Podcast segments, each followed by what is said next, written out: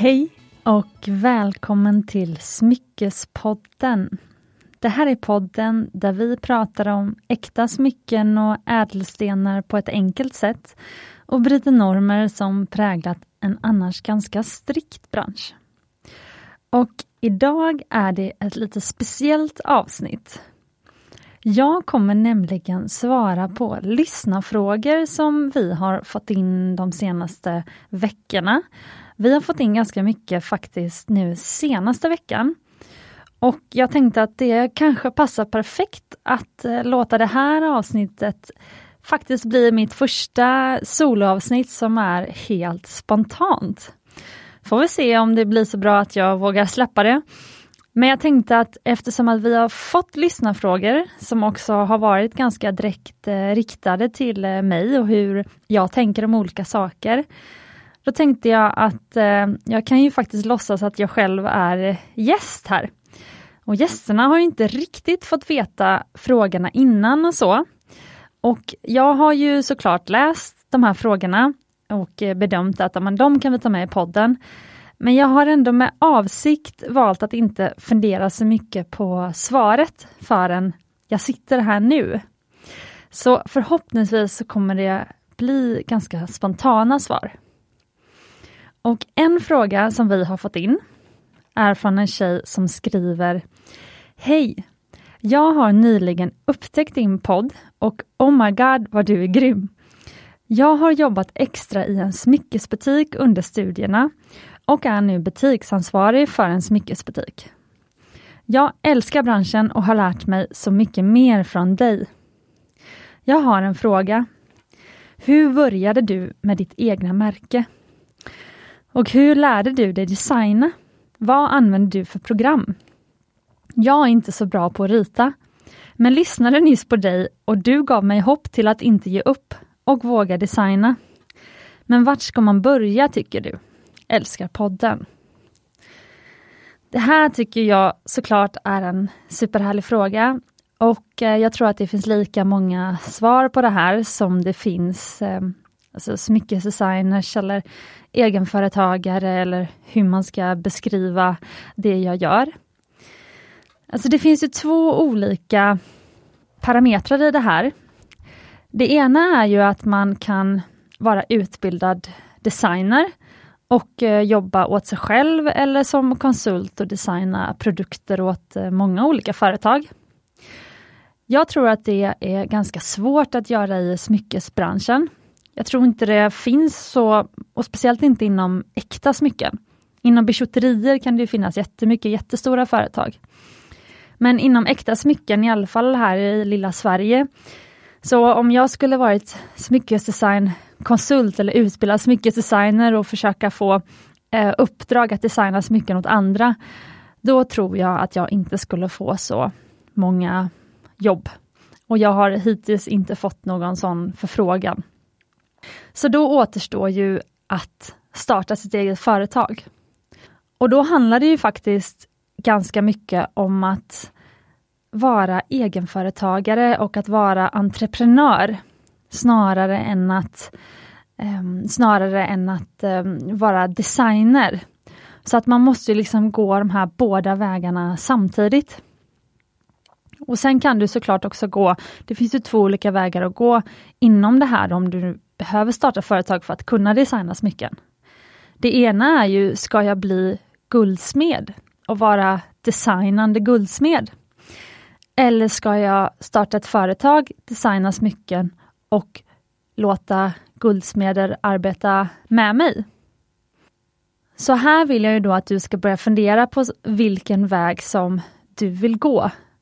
Och Det som kan vara bra att tänka på är att ju större företaget blir och ju fler kunder du har, desto mer tid antagligen kommer du faktiskt kunna lägga på att designa. För när jag började, då började jag med en kollektion på fyra armband och fyra ankellänkar. Och sen så handlade det om att försöka sälja dem. För att bara för att du sitter hemma på kammaren och designar smycken så betyder inte det att du hittar eh, kunder och att du kan eh, sälja de här smyckena och leva på det här. Utan det bygger ju på att någonstans du eh, lägger fram smyckena så att andra får se dem, antingen på en eh, i en sån här thrift shop, alltså i, på en marknad, eller att du gör det online, att du startar en butik på Etsy, eller en hemsida, eller en Instagram. Alltså du måste ju få fram eh, smyckena för andra att se dem och att sen att de ska kunna ta beslutet att liksom köpa dem. Så då pratar vi istället om marknadsföring. Så att mitt sätt att hantera det här på var att när jag då hade de här första smyckena, då fick jag inte, då satte jag som regel för mig själv att jag fick inte designa fler smycken förrän jag hade sålt x antal av de smyckena jag redan hade. Så då fick jag sätta på mig den här hatten som handlar om försäljning och marknadsföring. Hur ska jag hitta eh, köpare? Hur ska jag hitta liksom, eh, personer som älskar de här smyckena som jag designat och vill köpa dem? Och jag tyckte det var ganska pinsamt. Jag var inte heller så jättestolt över de produkterna då. Alltså jag tyckte väl att det var, att det var fina smycken men jag tyckte ändå det var lite pinsamt.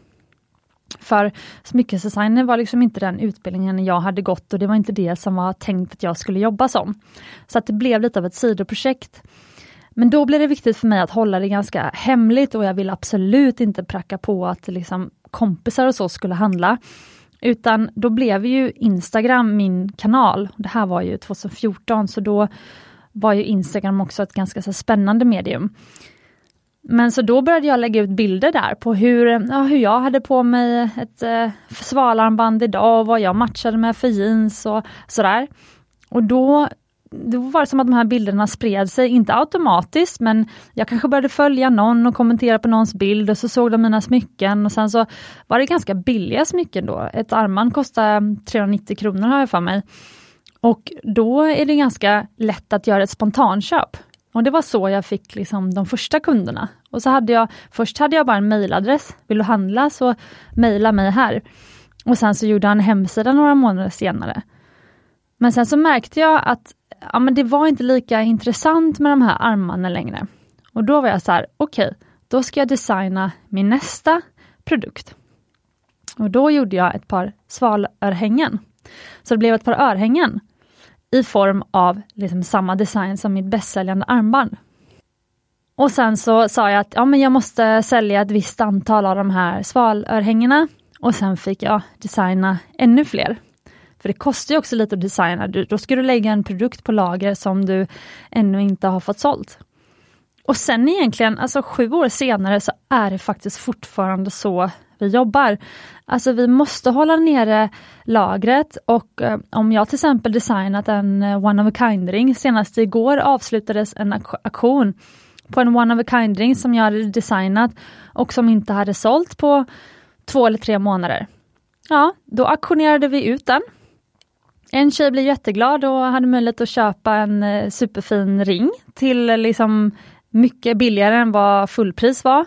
Och eh, jag tyckte det var skönt att eh, vårt lager liksom blev lägre och så kan jag designa en ny one of a kind-ring.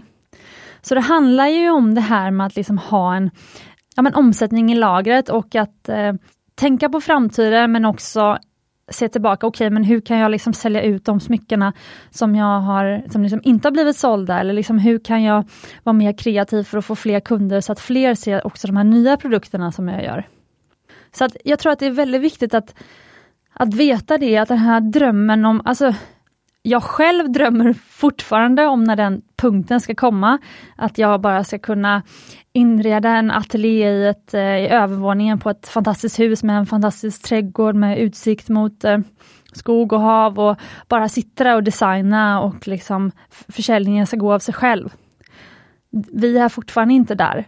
Så att jag tror att det liksom är viktigt då att veta det när man liksom drömmer om det här, att design och att vara designer och att jobba som det. Liksom.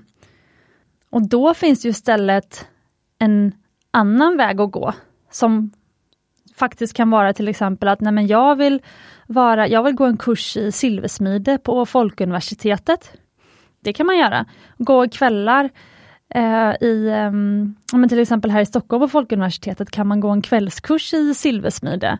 Och det är ju många som fortsätter gå den kursen flera terminer, alltså precis som att man går i keramikkurs Eller precis som att man går i eh, spanska kurs. Det här att man går tillbaka och så lär man sig och så sitter man och filar på sin ring eller sitt armband eller vad det är man designar och så bygger man liksom sin egen smyckesgarderob av egendesignade smycken. Och det som är så bra med de här kurserna på eh, Folkuniversitetet till exempel, det är ju att du betalar ju din egen, eh, e-, för ditt eget material. Så om du vill ha med till exempel ädelstenar för att lära dig enkel ädelstensinfattning, då kan du ha med dig det. Så det är ju ett annat sätt att faktiskt få ha smyckesdesign som ett fritidsintresse. Alltså, för att jag tror faktiskt inte, jag brukar säga det, ett tag när, tidigare i resan med Mumbai så var det väldigt eh, ja, men trendigt att vara entreprenör och det var mycket, det var mycket techbolag som tog in mycket kapital och det var många som ville ha, starta företag. Men jag tror faktiskt inte att det är så många som, när det kommer till kritan, vill ha ett eget företag. För det är väldigt mycket runt. Alltså din, den tiden som du får lägga på det som du verkligen vill göra kanske är 10-20 procent av din tid. Och Sen försöker man ju hela tiden liksom, ja, men hitta teammedlemmar eller liksom effektivisera sin arbetstid på de eh, uppgifter som man inte gillar eller ja, så att man liksom ska få mer tid att göra det man verkligen tycker är kul. Men rätt vad det är så kanske försäljningen går ner och man måste ha krismöte för att eh, Eh, det har hänt någonting i företaget eller vad som helst. Alltså man kan aldrig slappna av. Och jag tror att om man drömmer om att designa sina egna smycken så kanske det, man drömmer om att göra något kreativt och att slappna av. Och då tänker jag att, att liksom ha det som just det här fritidsintresset är nog, jag tror att det är fantastiskt. Och sen kan man inreda, när du har blivit tillräckligt duktig, du kanske till och med har fått gå som lärling hos en guldsmed senare eller någonting. Då kan ju du öppna din egen ateljé. Alltså ha ett eget kreativt rum hemma hos dig. Jag hade en kompis i Mexiko som var gammal smyckesdesigner i Holland. Men hon hade sålt sitt företag för hon inte orkade. Men sen så hade hon ändå en ateljé i Mexiko som hon gick till då och då och fortsatte skapa smycken. Och ibland sålde hon till vänner också, men det var inte längre, hon behövde inte för att liksom earn her living. Så att ehm, um, sådana grejer tycker jag att du som frågade det här kan fundera över. Och den andra grejen om det här, hur, att jag också sa att jag själv inte är bra på, ri, på att rita och vilket program jag använder och så vidare.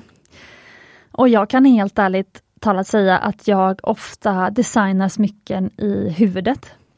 Så jag målar upp en bild i huvudet och ibland får jag sitta ner ganska länge och tänka liksom väldigt abstrakt och de olika stegen och hur fattningarna ska vara och sådär. Men sen så när jag liksom byggt modellen i huvudet, då brukar jag kunna liksom skriva ner receptet ganska enkelt. Alltså en sån storlek på sten där, en rosa sån sten där, den ska vara ungefär den här slipningen. Och sen kan jag skicka det receptet liksom till ateljén. För då har jag ju under mina år eh, liksom skapat mig ett team som verkligen förstår mig. Och under mina år så har jag jobbat med två, tre guldsmeder och nu även um, en tek mer teknisk CAD-ritare som liksom hjälper mig att förverkliga de här idéerna.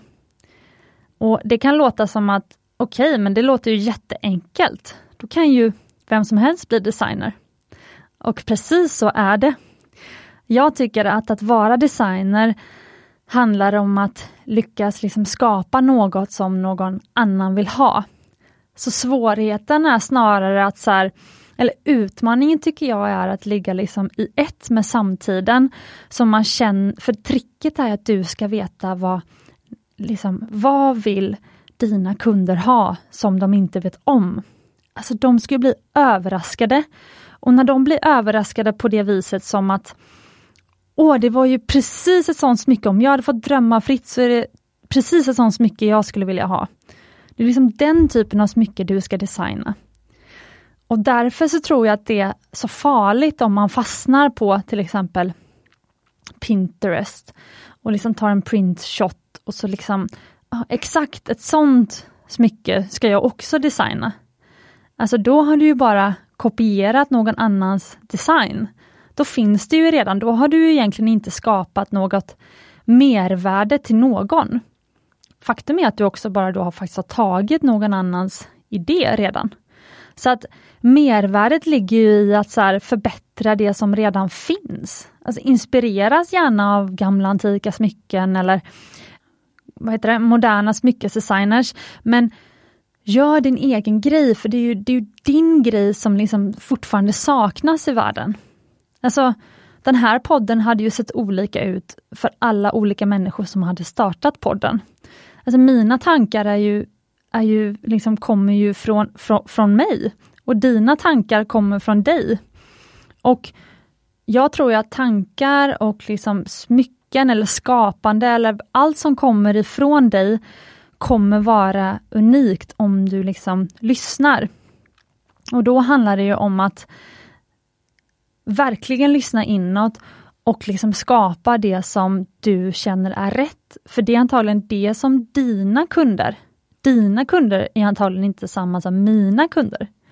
Utan det som dina kunder kommer vilja ha är ju det som liksom kommer från dig och som du har liksom översatt på ett liksom, ja, men lättillgängligt sätt och ett sätt som är liksom lätt att tycka om. I ett liksom smycke då i det här fallet. Så du behöver absolut inte kunna rita. Och om du vill rita så använder jag ett program i paddan som heter Pixelmator. Det är ju som ett jätteenkelt ritprogram bara, men där är det ju i princip som att rita. Jag kan också rita, senast igår skickade jag en bild med mitt recept på, bara från min anteckningsbok. Så att ägna tid åt att, um, åt att um, känna inåt och låta bilderna komma till dig i ditt huvud. Det är mitt största tips. Jättelångt svar på en fantastisk fråga. Ska vi se nästa. Nästa fråga är lite liknande faktiskt. Och Det kommer från en annan tjej som skriver Hej! Frida heter jag och jag har sedan min examen i medie och kommunikationsvetenskap jobbat som projektledare på olika företag. Och jag har verkligen trivts. Men under den senaste tiden har jag känt att jag vill göra något nytt med mitt yrkesverksamma liv. Det jag alltid landar i är att jag vill göra någonting kreativt. Och jag har alltid varit intresserad av design och smycken. Och det jag undrar är, hur började du jobba med det du jobbar med idag? Vilken utbildning gick du? Vad skulle din rekommendation vara till någon som är mitt i livet och skulle önska testa karriären som smyckesdesigner? Vore så tacksam för hjälp. PS. Har precis börjat lyssna på din podd, så jag kanske får alla svar där. Och Det här är ju jättehärligt, tycker jag. Jag började jobba med det jag gör genom att jag nästan höll på att bli uppsagd från mitt förra jobb. Men eh, jag kan ju ta det från början. Jag har aldrig varit särskilt kreativ som barn eller sett mig som särskilt kreativ. Jag har alltid varit väldigt eh, aktiv och haft mycket funderingar och tankar och idéer, men jag har liksom aldrig varit duktig på det som man liksom generellt kallar kreativa saker. Alltså jag försökte sjunga men jag hade ingen sångröst. Jag eh, försökte rita men jag kunde inte rita. Och Det var väldigt lätt att se för till exempel min stora syster eh, var fantastisk på att rita. Så att när man då har någon bredvid sig som, som är så fantastisk och sen så man själv liksom kan knappt översätta ett katthuvud på papper, så, så slutar man ju rita ganska snart. Så ingenting av liksom sånt där var liksom något jag hade talang för, tyckte jag. Sen så gick jag på Handels faktiskt, när jag skulle eh, välja högskola. Jag kommer från en akademikerfamilj och, eh, och de är civilingenjörer, båda mina föräldrar. Och eh, det var i princip fyra alternativ när man skulle välja högskola efter gymnasiet. Och Det var ju då det klassiska advokat, läkare, civilingenjör Eller, eh, nu ska vi se, vilket var det fjärde? Har jag glömt bort. Men sen sa jag, nej men jag vill faktiskt inte göra något, jag vill göra något som har mer med, någonting mer med samhälle att göra. Och då fanns ju ekonomilinjen och då blev jag tipsad om Handels i Stockholm. Så jag sökte bara Handels och kom in. Så då började jag plugga där med en gång. Och sen så var det på mitt sista år på Handels. Då åkte jag till Indien. För jag hade lovat mig själv att någon gång när jag blir stor och går på högskola, då ska jag plugga utomlands. Och så fick jag Indien som av en slump. Och sen så åkte jag dit. Och då var det som att när jag kom dit och fick alla de här enorma intrycken som är Indien. Alltså det är så mycket färger, dofter, lukter, det är så otroligt mycket människor att titta på. Det är så otroligt mycket liksom vackert. Alltså det finns ingen som går runt i myskläder på gatan i Indien. Alltså där har man liksom supervackra liksom sidensaris som man har hur mycket smycken på sig som helst. Kvinnorna har, de måste ha något annat hår där nere för att nästan alla har hår som går ner till midjan. Alltså det är bara så otroligt vackert. Och det var i princip första gången som jag hade rest själv. Och eh, jag blev bara helt förtrollad och liksom kär i det landet. Så jag blev väldigt fri där, tror jag. Och jag tyckte det var, kändes helt meningslöst att sen åka hem till Sverige och skriva min uppsats. Så min typ andra månaden in på den eh, högskolan där jag gick på utbyte, då började jag skriva ansökan till Sida här hemma i Sverige för att få stipendium och göra en minor field study i Indien och skriva min uppsats på indiska landsbygden.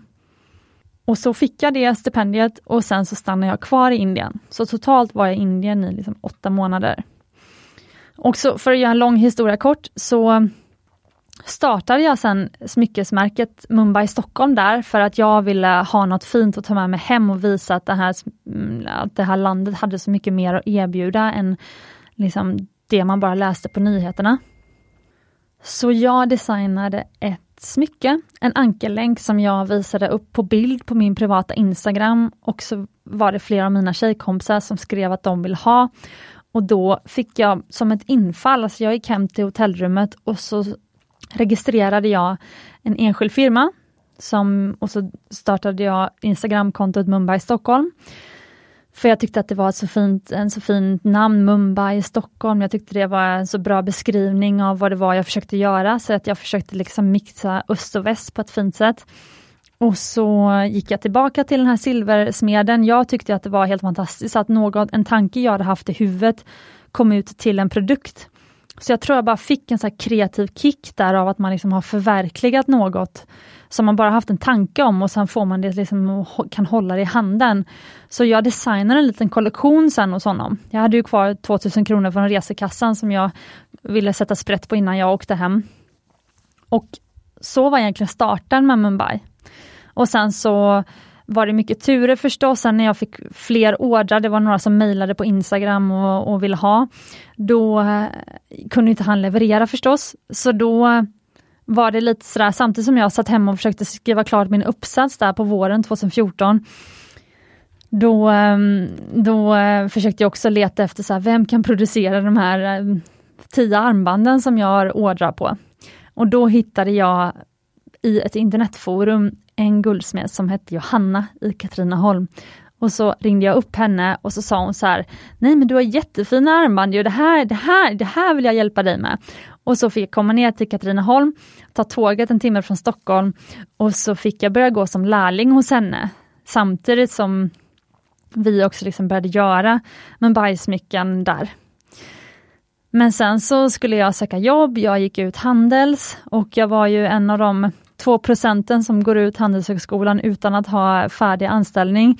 Och sen så tog det ungefär ett halvår innan jag fick en anställning. Och eh, för att jag också ville inte, efter att ha gjort det här i Indien och gjort den här minor field studyn, så ville jag inte bara ha ett vanligt liksom ja, bankjobb, eh, gå tillbaka till Nordea där jag hade haft sommarjobb innan till exempel. Utan jag kände att jag verkligen ville jobba med något meningsfullt. Så det tog ett halvår innan jag fick jobb på en eh, frivillig organisation i, i, här i Stockholm som, som trainee. Eller NGO typ. Och, eh, men sen så trivdes inte jag där. Och eh, jag höll på med Mumbai vid sidan av förstås och eh, det, Mumbai var bara någonting jag kunde inte sluta. Alltså de veckor som vi inte hade några ordrar, eller jag inte hade några ordrar, ehm, då var det som att jag inte kunde släppa det ändå. Jag hade ju bara kunnat så här, ah, ja, men jag lägger ner det där och så, och så liksom fokuserar jag på att söka jobb och på att liksom behålla nu det jobb jag sen fick. Utan det var bara som att så här, jag kan inte sluta. Och jag tror att det, det drivet bara finns där, eller så finns det inte. Jag tror att när man har hittat rätt så tror jag att det liksom bara finns där. Men sen efter ungefär ett halvår, då kunde jag inte längre behålla det andra jobbet. Alltså jag, exakt när åtta timmar hade gått, då ville jag ju lämna min kontorsstol och gå hem och jobba med Mumbai. Och varje lunch ville jag sitta och mejla med kunder eller ateljén. Och jag tror att min chef någonstans där märkte det och sen så hade hon ett snack med mig på sommaren och sa att nu har du tre veckor kvar av din provanställning, nu måste du shapea upp om du vill vara kvar. Och då kände jag bara av liksom hela mig att så här, jag, jag kan inte det här. Alltså jag, jag måste säga upp mig. Jag vill inte bli uppsagd, jag vet inte hur min stolthet hade klarat det. Och liksom, jag måste få det här företaget att funka. Så jag sa upp mig bara några dagar innan min provanställning skulle gå ut. Och eh, sen fortsatte jag med Mumbai på heltid. Och sen, och sen har jag liksom aldrig gått tillbaka. Men det var också då, ska jag säga, som det lossnade.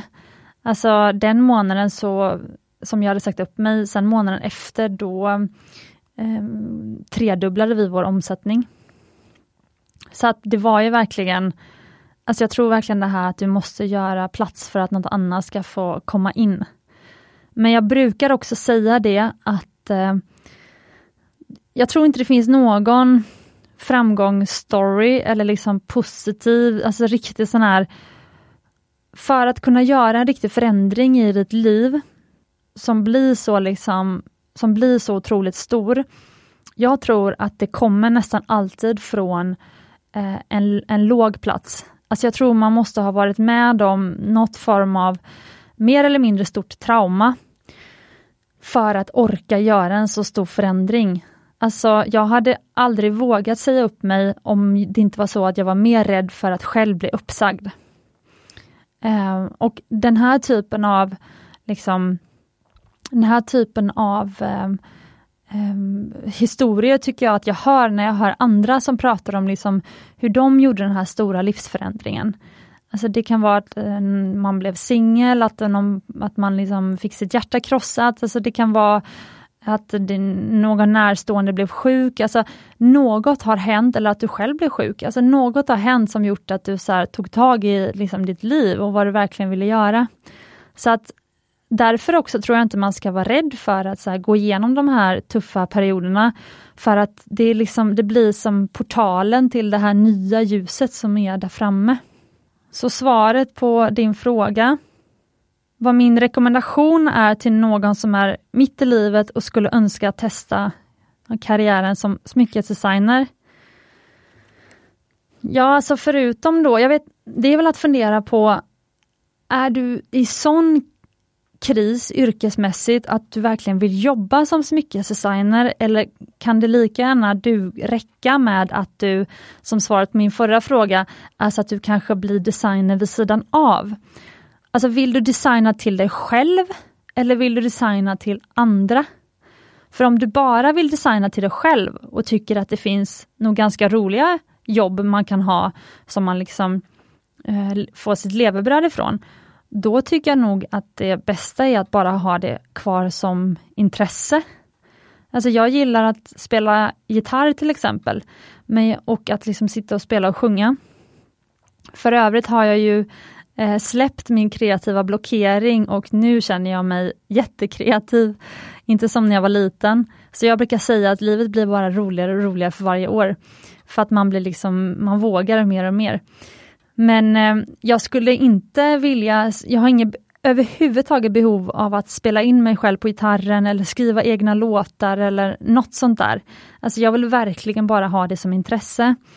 Så att liksom, även så kan det vara om, om, om som smyckesdesigner, alltså man kan ju ha det som ett intresse. Men om du verkligen vill arbeta som smyckesdesigner, då är nog enklaste vägen via att bli en riktigt, riktigt bra CAD-ritare eller riktigt, riktigt duktig guldsmed. Och vill du bli riktigt duktig CAD-ritare till exempel, då kan det också vara bra att kanske gå en gemologutbildning, alltså utbildning i ädelstenar i botten. Eller att eh, gå, gå vid sidan av en guldsmed och lära dig hantverket.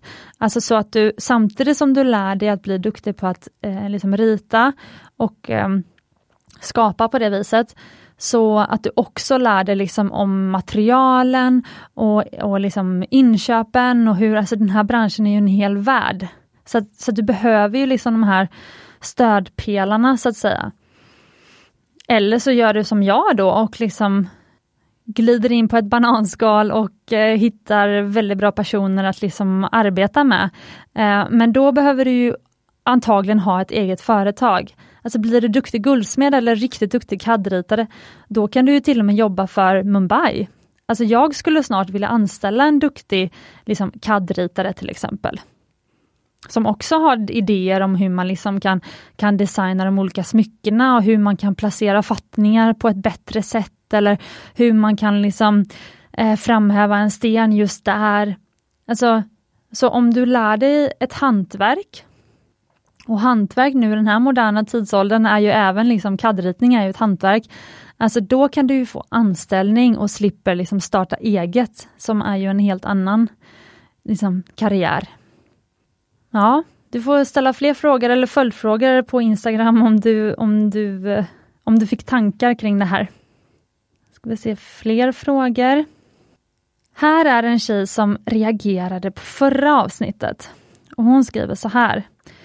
Jag har lyssnat på alla avsnitt och tycker att det är så skönt att nörda ner sig i den här viktiga frågan, smycken. Jag älskar smycken men vill att de ska kännas så lite som möjligt när man bär dem. Jag reagerade med en kallsup i kaffedrickandet när ni pratade om proportioner och sa de två millimetrarna är skillnaden på om smycket blir fult gentemot fint. Jag kände att det samtalet mycket väl kunde handla om min Not So Tiny med low setting och en och en halv millimeter ringband som jag beställde tidigare i år, där jag varnades för proportionerna. Jag är så glad att jag lyssnade på mig själv istället och körde på det som jag ville ha. Jag är mycket nöjd med resultatet och den sitter bredvid en Tiny Diamond ring. Och då är det väl snarare på den lilla som proportionerna ser lite knasigare ut. Men jag tycker att poängen är att det är jag som tycker om de här smyckena. Jag vet mycket väl vad jag vill ha och vad jag tycker är finast. Mitt val av bredare ringband gläder mig dagligen. Och när man ska bära den varje dag känns en och en halv som absolut minimum för mig. Sen gör sig hela samlingen mycket bra med en 0,10 karat diamant även på den nya ringen. Så den är inte större än den jag har på vigselringen. Jag vet inte om det här blev ett försvarstal. Det verkar så. Men ingen säger att min ring är ful utan en tillrättavisning tydligen. Och jag älskade att den här faktiskt stamkunden i Mumbai skrev in. Och jag tycker att det är roligt för det är precis så här det ska vara. Alltså, för det blir trots allt så. Men bajsmyckorna är ju såklart en direkt reflektion av min egen smak. Och saker som liksom jag själv liksom stör mig på eller vill ändra i kanske de smyckena som redan finns på marknaden. Men då tycker jag att det är väldigt kul när liksom kunder själva kan säga, nej men jag vill ändra det här på mitt sätt och bara förändra lite lite granna. Till exempel då lägga till ett 0,2 mm ringband och det gör att hon tycker att den ringen är perfekt för henne. Så jag blir bara glad för det här. Så tack för att du skrev in. Sista frågan. Förra kanske inte var en fråga, men det var en rolig grej att läsa upp. Men här är i alla fall en fråga. Hej igen! Jag vet inte om ni tycker det är ett intressant ämne, men jag skulle gärna vilja veta mer om bruna diamanter, kanske i podden. Jag kikade runt på nätet av eget intresse och det blir ganska förvirrande. Det verkar finnas diskussioner om värdet, att de mest används i industrin och inte har ett andrahandsvärde. Och sen Vian, en firma som satt någon gradering på vad som är chokladdiamant och så vidare och så vidare. Hur ser ni på detta? Jag tycker era färger champagne, choklad och mörk choklad är jättefina. De är väl naturliga antar jag. Kommer de från Argyle-gruvan i Australien? Så nyfiken på allt detta. Det här är ju jättekul. Och jag har även, ska jag säga, tagit hjälp av eh, ädelstensexpert Johannes för att svara på det här. Jag läste upp eh, frågan för honom för att höra vad han hade för kommentarer. Men det jag först vill säga är att um, jag håller med, bruna diamanter är fantastiskt och det är väldigt spännande. Och Argelgruvan var de som först alltså började benämna bruna diamanter med liksom finare benämningar, som till exempel champagne. Men Johannes intygar att på typ nästan alla ställen där man hittar diamanter, där hittar man ju också bruna diamanter eftersom att de, eh, det är ju bara liksom en färgförändring av liksom vanliga vita diamanter. Och det finns en gradering på bruna diamanter, eller champagne, och då säger man att de graderas mellan C1 upp till C8 i åtta steg. Och faktum är att när vi har valt, liksom, vi eh, på Mumbai har ju satt tre olika färger på bruna diamanter som vi liksom håller oss till. Och Det började faktiskt med champagnediamanter, för jag blev bara kär i färgen champagnediamant. Jag tyckte den var så härligt vintage. Det blev diamantblingigt fast inte lika glammigt, eller vad ska jag säga? Alltså det blev mer subtilt bling. Så att jag kommer inte ihåg faktiskt jag kommer inte ihåg första gången som jag såg en eh, champagnediamant, men eh, utan det känns som att det liksom nästan alltid har funnits hos Mumbai, fast det har det inte. Men väldigt tidigt så började jag med champagnediamanter. Och sen så blev det naturligt att titta på vad finns det mer för härliga bruna diamanter. Och då tittade vi på liksom högre upp i skalan, alltså som har ännu mer brun färg. Och då eh, liksom hittade vi de här färgerna som vi sen själva kallade för liksom choklad och mörk choklad. Men det vet jag också att andra företag också har gjort. Och sen så kan man, vissa företag sälja sina bruna som coffee och så vidare. Men vi har i alla fall, kan jag avslöja här, att vi har graderat som våran champagne som vi använder. De är på en skala C3 till C4. Men bara de ljusare på C4. För att om man skulle lägga massa bruna diamanter i nyans C4 på bordet så skulle de ändå diffa lite grann. Och de som är de lite mer mörkare bruna och även upp till C5, de har vi liksom benämnt som det är våra choklad. Och sen så C6 till C7 ungefär är våra mörk choklad. Och det är så, det gör också att det blir mycket enklare för oss liksom, när vi beställer hos våra leverantörer. Då säger vi att ah, vi vill ha tre chokladdiamanter i den här karaten. Alltså, så det blev ett sätt att, att eh, liksom kunna ha en liksom tillförlitlig liksom färgkalibrering på de här liksom bruna diamanterna. För det är lite eh, klurigare att köpa in just bruna diamanter. Alltså det är lite som med antikdiamanter. Alltså ofta så skickas de här inte till GIA. GIA i det här diamantcertifikathuset, eh, utan Eh, och hos GIA så kallas då de här för liksom fancy brown, alltså de, de bruna diamanterna kallas för fancy diamanter, precis som gula eller blå eller och så vidare. Och då kan de till exempel kallas fancy brown, eller som våra choklad kanske skulle kallas fancy light brown och så vidare. Så att om du köper bruna diamanter utan cert, så var i alla fall Johannes rekommendation att du köper från en väldigt seriös aktör. För att eftersom att det liksom är lite mm, inte lika reglerat kan man säga med de bruna diamanterna eftersom att så här, vita diamanter, om de säljs helt utan certifikat, då brukar man ju fundera på varför de gör det. Alltså, vi köper inga vita diamanter förutom antikdiamanter utan certifikat som är över 0,30 karat. Bruna diamanter, då ska du verkligen lita på handlaren för att annars kan det vara lätt så att den kanske säger att klarheten är SI, men så får du en I1, alltså en imperfect klarhet.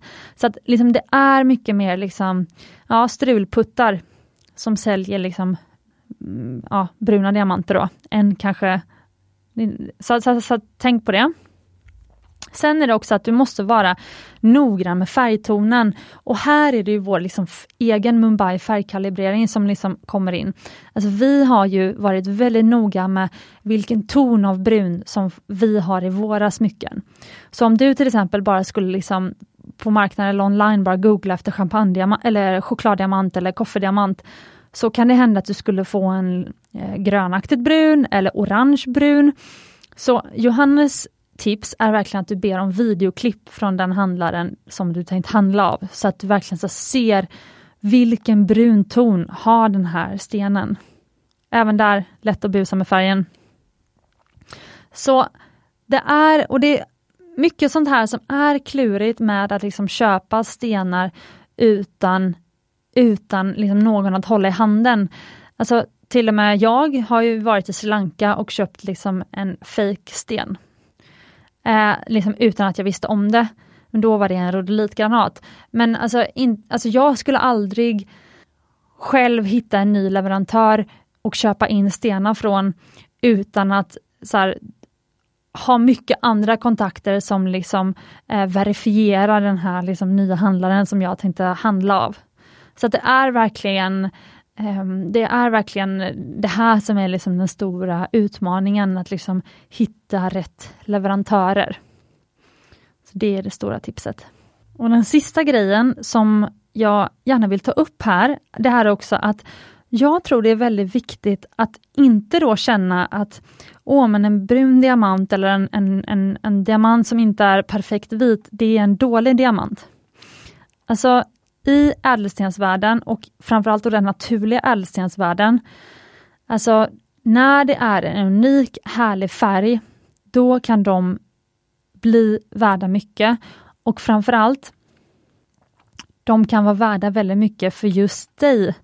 Alltså, jag funderar överhuvudtaget inte på om en brun diamant är finare än en vit diamant eller tvärtom då, att en vit diamant alltid är finare än en brun diamant och då kan jag ju inte rekommendera en brun diamant i en vigselring för då borde jag ju rekommendera en vit diamant för det är ju alltid det finaste. Alltså det handlar inte om det. Alltså en brun diamant i exakt rätt perfekt brun som inte liksom tintar åt liksom då eh, rödbrunt eller eh, gråbrunt eller grönbrunt. Alltså en djup brun intensiv färg. Alltså det kan vara, vi kanske stöter på en sån liksom en gång i halvåret. Alltså de allra finaste bruna stenarna har ju varit så, så att man själv blir helt förtrollad och man liksom så här, oh, tänk den kunden som nu har köpt den här stenen och får exakt den bruna stenen.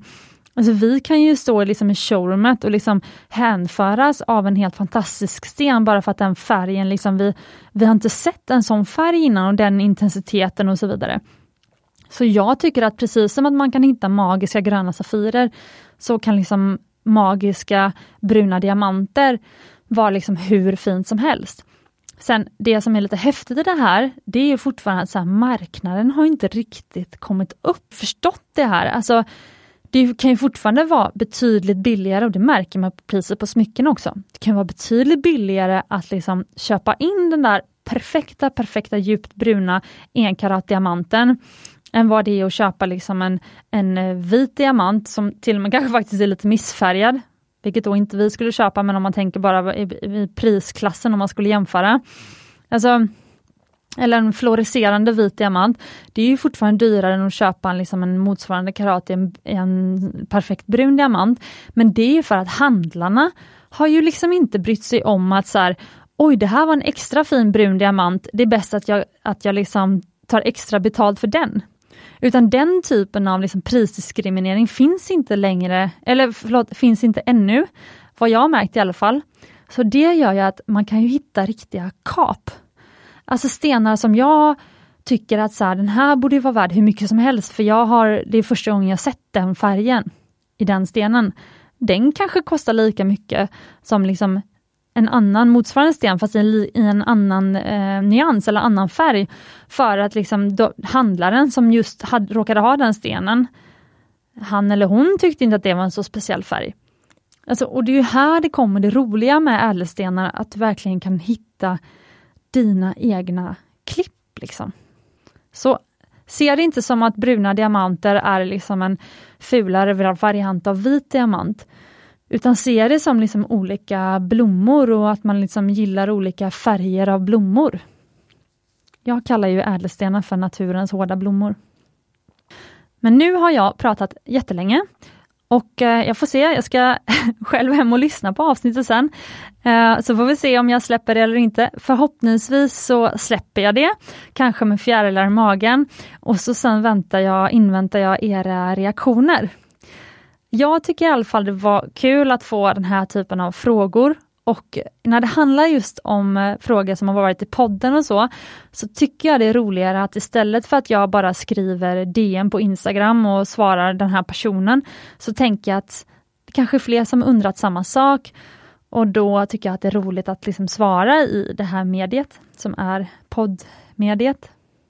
Och så vill jag påminna om att om du lyssnar varje vecka och tycker att det är spännande och kul, så får du väldigt gärna scrolla ner på din podcastspelare, om du lyssnar på eh, iTunes till exempel, eller Apples podcaster, eller på Acast. Där kan man ju ratea podden. Jag tror inte man kan det på Spotify, inte vad jag sett i alla fall. Men om du lyssnar på en podcastspelare där du kan ge podden några stjärnor, så får du gärna ge den så många stjärnor som du tycker den är värd. För att eh, det är liksom enda sättet att liksom följa upp på hur podden går och också så är det ett sätt att sprida podden och ge den liksom trovärdighet för, för andra som hittar den. Så gör gärna det. Och om du har lyssnarfrågor så får du jättegärna ställa dem eller kommentarer eller tankar eller funderingar. Och då kan du skriva till Smyckespoddens Instagram, Smyckespodden, eller The Jewelry Designer som är mer min privata Instagram. Och glöm inte, du är värd äkta smycken.